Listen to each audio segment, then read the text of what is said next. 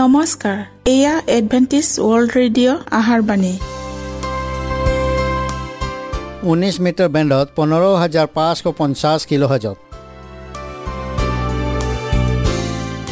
Adventist world radio যোগে অসমীয়া ভাষাত প্ৰচাৰিত আহাৰবাণী প্ৰত্যেক বুধবাৰ আৰু দেওবাৰ সন্ধিয়া সাত বজাত আহাৰবাণী শুনাৰ পিছত আপোনালোকৰ কিবা মন্তব্য আৰু প্ৰশ্ন থাকিলে আমালৈ এই ঠিকনাত লিখক। আমাৰ ঠিকনাটি হৈছে Adventist World Radio' seven day Adventist মণ্ডলী অসম শাখা লতাকাটা বশিষ্ট গুৱাহাটী সাত আঠ এক শূন্য দুই ন।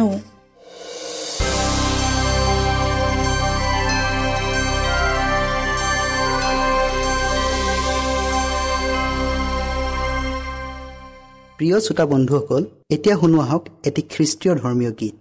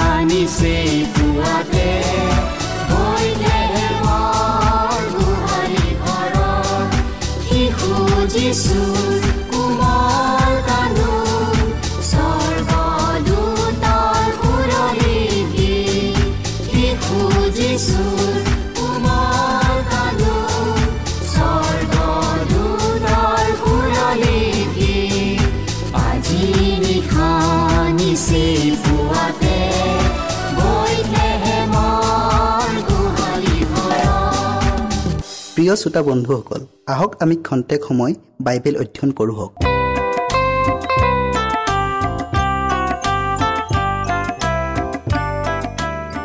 প্ৰিয় শ্ৰোতাসকল নমস্কাৰ। আজি আমি যোৱা অনুষ্ঠানৰ বাকী অংশ দক্ষতাৰ বিষয়ে অধ্যয়ন কৰোঁ হওক। বাইবেল পদ আপোনালোকে পঢ়ক মঠি পঁচিছ অধ্যায়ৰ তেৰ পদৰ পৰা ত্ৰিছ পদলৈকে। বিষয়টিৰ আগবঢ়াৰ আগতে আমি প্ৰাৰ্থনা কৰোঁ হওক। সেই স্বৰ্গত থকা অসীম দয়াময় তোমাৰ পবিত্ৰ নাম ধন্যবাদ হওক।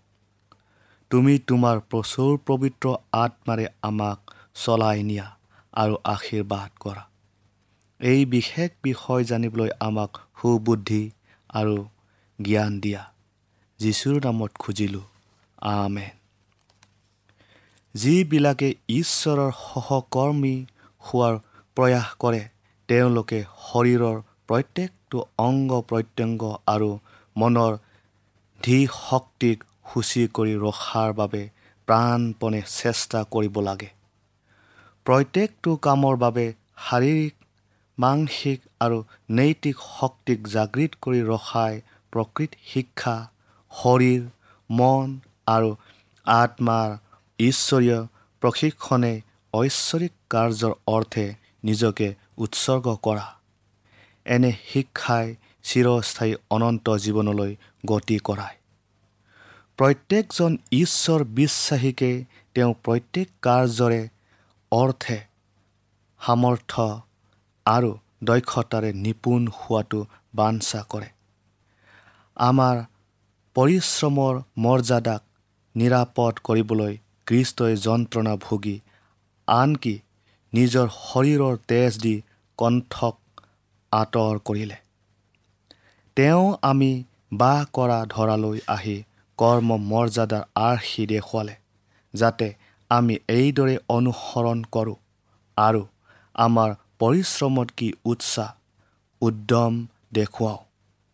আমিও যেন তেওঁৰ নামৰ গৌৰৱৰ অৰ্থে মহাপ্ৰেম আৰু ভক্তি তেওঁক দেখুৱাওঁ হওক। জোহন তিনি অধ্যায় ষোল্ল পদত কৈছে কাৰণ ঈশ্বৰে জগতক ইমান প্ৰেম কৰিলে যে তেওঁৰ একমাত্ৰ পুত্ৰকে দান কৰিলে যাতে যিকোনোৱে তেওঁক বিশ্বাস কৰে তেওঁ মৃত্যু নহৈ কিন্তু অনন্ত জীৱন পায়। কিন্তু কৃষ্টই আমাক নিশ্চিতৰূপে আশ্বাস দি কোৱা নাই যে নিষ্কলংকিত স্বভাৱ চৰিত্ৰ সহজলভ্য নহয়। মহৎ আৰু সকলো ক্ষেত্ৰতে সৎ স্বভাৱ উত্তৰাধিকাৰ সূত্ৰে প্ৰাপ্ত নহয় বা দৈৱক্ৰমেও পোৱা নহয়।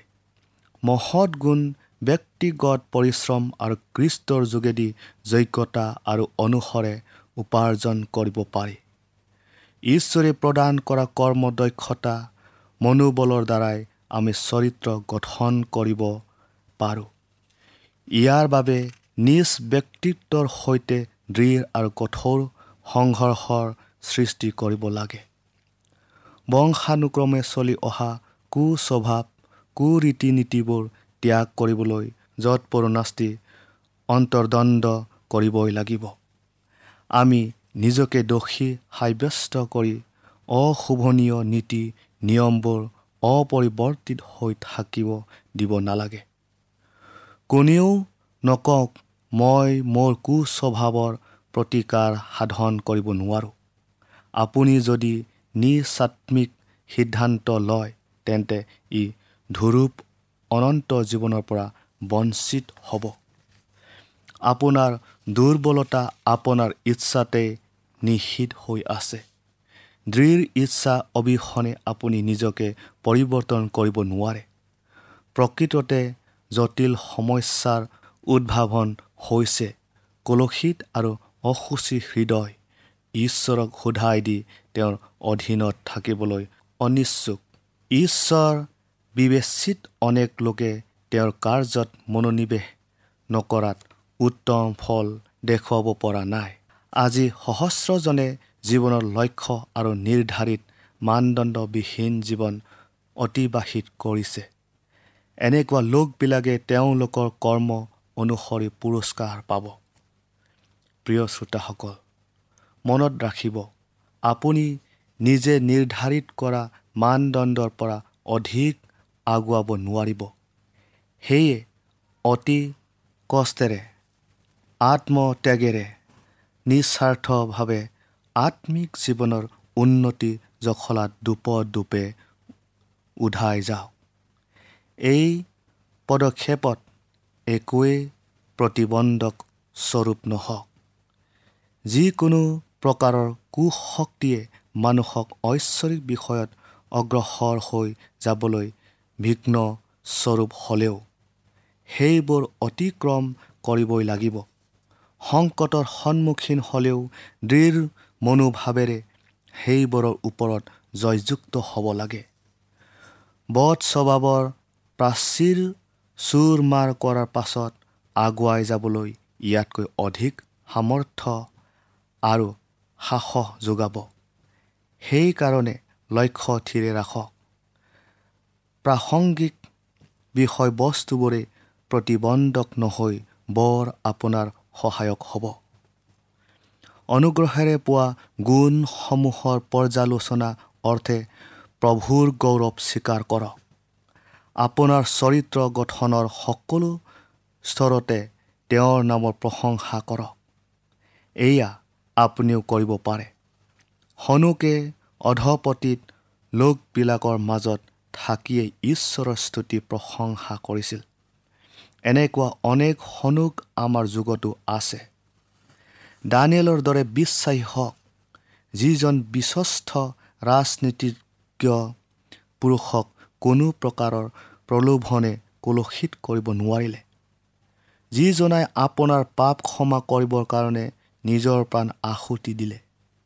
যিজনাই আপোনাক ইমান প্ৰেম কৰে সেইজনাক সেৱ জ্ঞান নকৰিব। কাৰণ তেওঁ কৈছে মোৰ অবিহনে তোমালোকে একো কৰিব নোৱাৰা।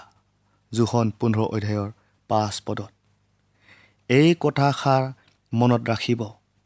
আপুনি যদি ভুল কৰিছে তাৰ শুধৰণি আছে।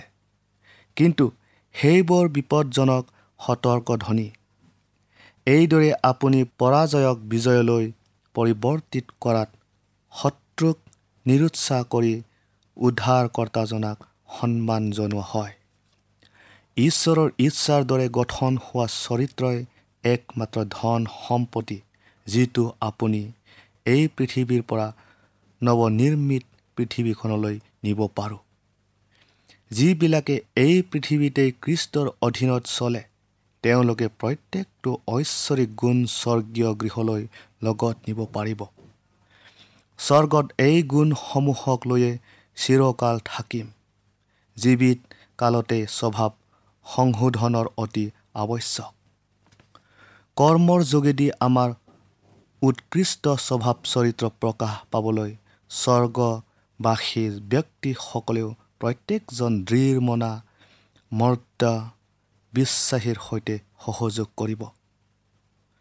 এই কাৰ্যত ব্ৰতী হোৱা প্ৰত্যেকজনলৈ কৃষ্টে কৈছে মই তোমাৰ সুহাতে থাকি তোমাক সহায় কৰিম। আৰু মানুহে যেতিয়াই ঈশ্বৰৰ ইচ্ছাৰে তেওঁৰে সৈতে সহযোগ কৰিব তেতিয়াই অসীম ক্ষমতাযুক্ত হ'ব।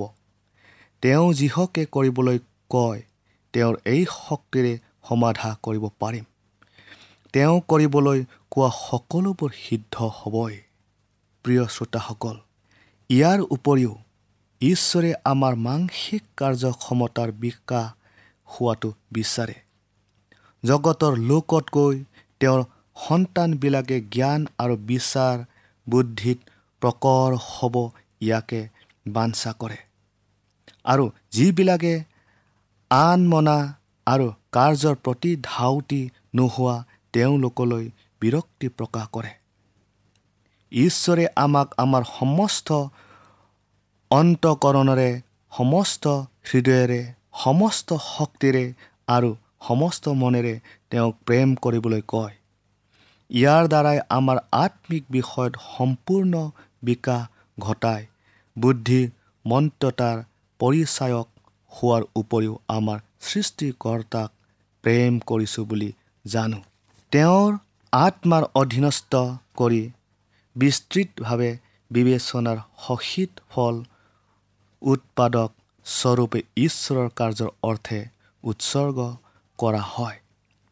নিজকে ঈশ্বৰলৈ উৎসৰ্গ কৰা অশিক্ষিত ব্যক্তি হ'লেও ঈশ্বৰে তেনে লোকক তেওঁৰ কাৰ্যৰ অৰ্থে ব্যৱহাৰ কৰে। কিন্তু সেই একে আত্মাৰে শিক্ষিতজনে কৃষ্টৰ হকে বিস্তৃত আকাৰ কাৰ্যত আত্মনিয়োগ কৰিব পাৰে কিয়নো তেওঁলোকৰ অগ্ৰগণ্যতা অতি সুবিধাজনক।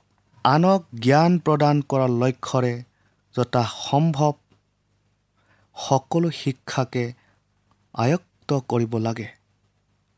ঈশ্বৰৰ হৈ কথা ক'বৰ অৰ্থে বা তেওঁৰ সাক্ষ্য দিবৰ অৰ্থে ক'ত কেনেকৈ আৰু কেতিয়া আমন্ত্ৰণ কৰিব তাক আমি নাজানো। কেৱল মাত্ৰ আমাৰ স্বৰ্গীয় পিতৃয়েহে মানুহক কেনেকৈ ব্যৱহাৰ কৰিব লাগে জানে যিহেতু আমাৰ দুৰ্বল বিশ্বাসৰ কাৰণে ভাল বেয়াৰ পাৰ্থক্য নাজানিলেও ইয়াৰ দ্বাৰাই তেওঁ সম্ভৱ কৰি তোলে। আমি এনেকুৱা মনোভাৱেৰে সুসজ্জিত হ'ব লাগে যে প্ৰয়োজন সাপেক্ষে জগতৰ সৰ্বোচ্চ অধিকাৰীকো তেওঁৰ নামৰ গৌৰৱৰ অৰ্থে সাক্ষ্য প্ৰদান কৰিব লাগে। আমাৰ মানসিক পুতুতাৰে নিজকে যজ্ঞৱান কৰি প্ৰভুৰ সাক্ষ্য প্ৰদান কৰা সময়ত আৱশ্যকীয় কোনো কথাকে অৱগত নকৰাকৈ থ'ব নালাগে। শিক্ষাৰ নিমিত্তে আগ্ৰহী যুৱক যুৱতীবিলাকে মনৰ দৃঢ়তাৰে শিক্ষা আৰ্জন কৰক। অকাৰণে কোনো সুযোগ লৈ অপেক্ষা কৰি থকা উচিত নহয়। ক্ষুদ্ৰ হ'লেও যি ন্যায় সুযোগ তাক অনুসৰণ কৰক। অৰ্থৰ ব্যৱহাৰ নীতিৰ অভ্যাস কৰক। আত্মসন্তুষ্টি বা সুখ সম্ভোগৰ নিমিত্তে অনৰ্থক ধন সম্পত্তি অপব্যয় কৰা অনুচিত। ঈশ্বৰে বিচৰাৰ দৰে আপুনি আনৰ প্ৰতি হিতকাৰী আৰু ফলদায়ক স্বৰূপ হওক। যি কাৰ্যৰে দায়িত্বভাৰ আপোনাক অৰ্পণ কৰা হয় তাৰ প্ৰতি সৰল আৰু বিশ্বাসী হওক। নিচেই ওচৰতে পাব পৰা আটাই সুযোগ সুবিধা আপোনাৰ মানসিক কাৰ্যক্ষমতা সবল হ'বলৈ ততালিকে গ্ৰহণ কৰক। আপোনাৰ অধ্যয়ন পুস্তকবোৰ মৰ্যাদাপূৰ্ণ শাৰীৰিক পৰিশ্ৰমৰ সম্বলিতে অংগীকৃত উদ্যম সতৰ্কতা জ্ঞান প্ৰাৰ্থনাৰে তেওঁৰ পৰা খোজক। এইয়ে আপোনাক আটাই বিদ্যাত পাৰ্গত কৰিব। এইদৰে আপোনাৰ চৰিত্ৰত সৎগুণ প্ৰকাশ পাব। আনৰ ওপৰত আপোনাৰ প্ৰভাৱ বিস্তাৰ কৰিব যিহে আনক সৎ পথ আৰু পবিত্ৰতালৈ অনাত আপোনাক সমৰ্থবান কৰিব। আমাৰ নিজা সুসময় আৰু স্বত্বাধিকাৰৰ প্ৰতি সজাগ হ'লে নিজকে শিক্ষিত কৰিবৰ অধিক অগ্ৰগতি লাভ কৰিম। জাগতিক শিক্ষাই প্ৰকৃত শিক্ষা নহয় বৰং ততোধিক। বিজ্ঞান আৰু তেনে গুৰু বিষয়বোৰ অধ্যয়নৰ কৰাত অৱহেলা কৰিব নালাগে। কিন্তু ঈশ্বৰৰ সৈতে নিবিড় সম্বন্ধ ৰাখি পোৱা শিক্ষাইহে উচ্চ মানৰ শিক্ষা। প্ৰত্যেকজন বিদ্যাৰ্থীয়ে নিজৰ নিজৰ ধৰ্মশাস্ত্ৰলৈ মহান গুৰুজনাৰ পৰা জ্ঞান আহৰণ কৰক।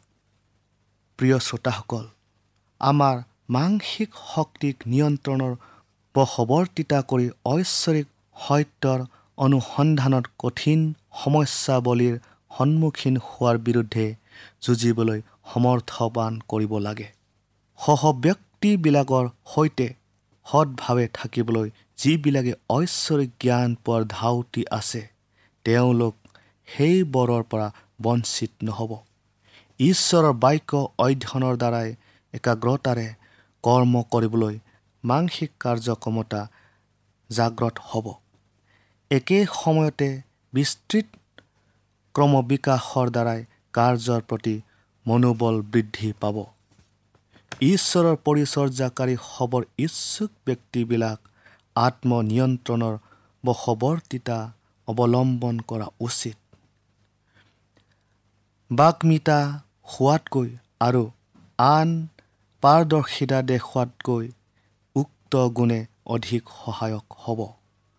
উচ্চ শিক্ষিত আৰু অতি দূৰদৰ্শিতা কিন্তু আত্মসংযমী লোক যদি নহয় তেনেস্থলত সাধাৰণ মনৰ কিন্তু বিবেচক লোক এজনে ততোধিক কাৰ্য সমাধান কৰিব।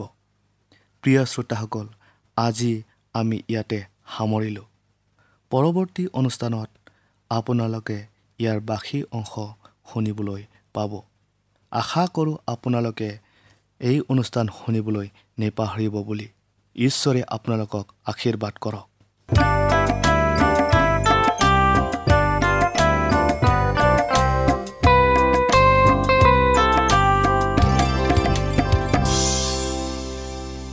ইমানপৰে আমি বাইবেল অধ্যয়ন কৰিলোঁ। এতিয়া আকৌ শুনো আহক এটি খ্ৰীষ্টীয় ধৰ্মীয় গীত।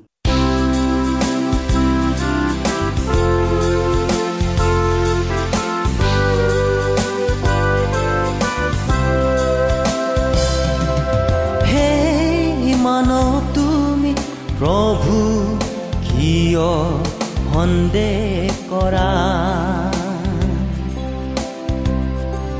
হে মানৱ প্ৰভু কিয় সন্দেহ কৰা? সময় নাই আৰু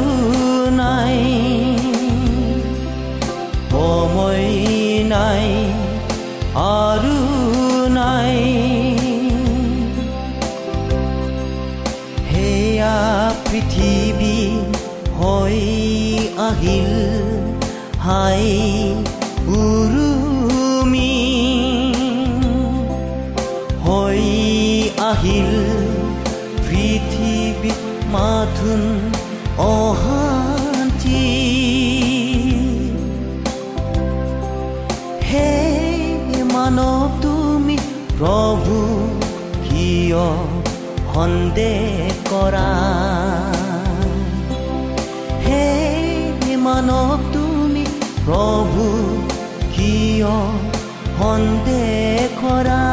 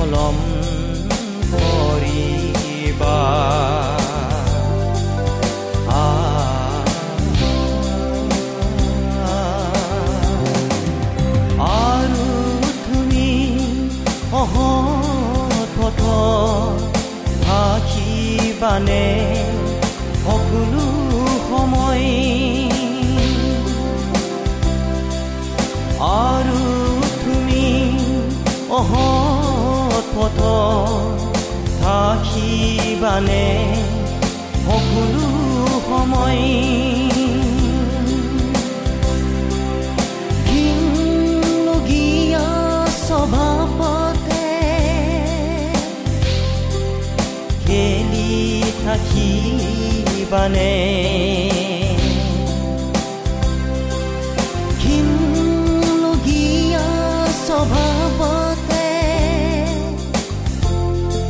খেলি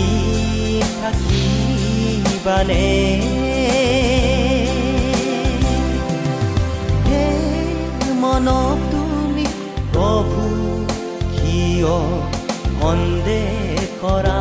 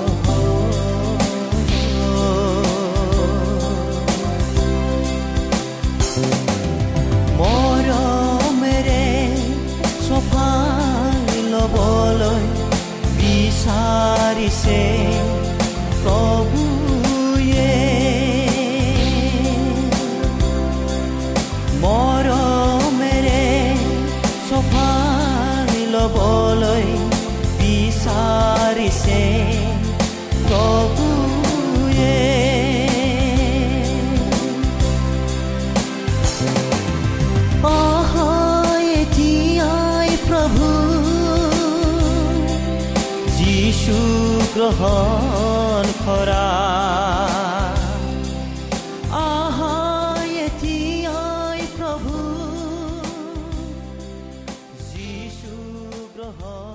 মনত ৰাখিব আমাৰ ঠিকনাটি পুনৰ কৈ দিছোঁ।